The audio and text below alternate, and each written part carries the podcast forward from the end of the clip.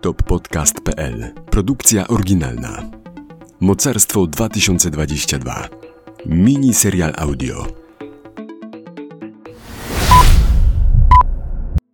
Dzień szósty. Luiza miała już w głowie plan, ale czy ten się zrealizuje? To wydawało się kompletnie absurdalne, bo minione dni pokazały coś kompletnie odmiennego. Luiza przyspieszyła. Miała bowiem do celu już tylko pół godziny drogi, a była okropnie zmęczona. Dlaczego akurat ja? Spytała ze zdenerwowaniem Nikodema. Słuchaj, musisz wiedzieć, że to, czego wkrótce się dowiesz, diametralnie odmieni twoją świadomość, tego, co cię otacza.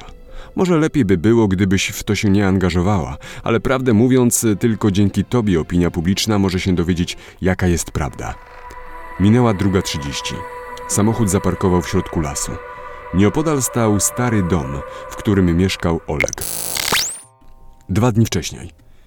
A czy jeśli okaże się, że będę musiał przedostać się jeszcze głębiej struktur białoruskiej polityki, na pewno będę miał gwarancję bezpieczeństwa?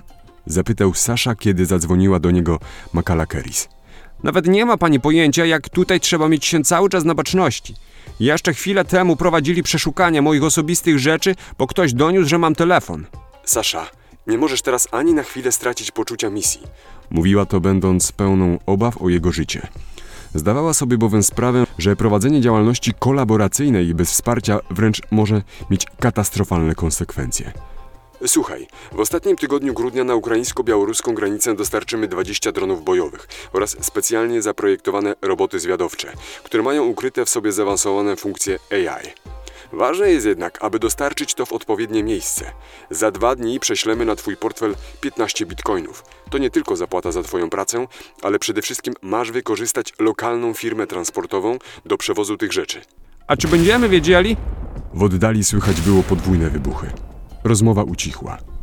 Kiedy Luiza z Nikodemem weszli do domu, w ich żyłach płynęła wręcz arktyczna krew.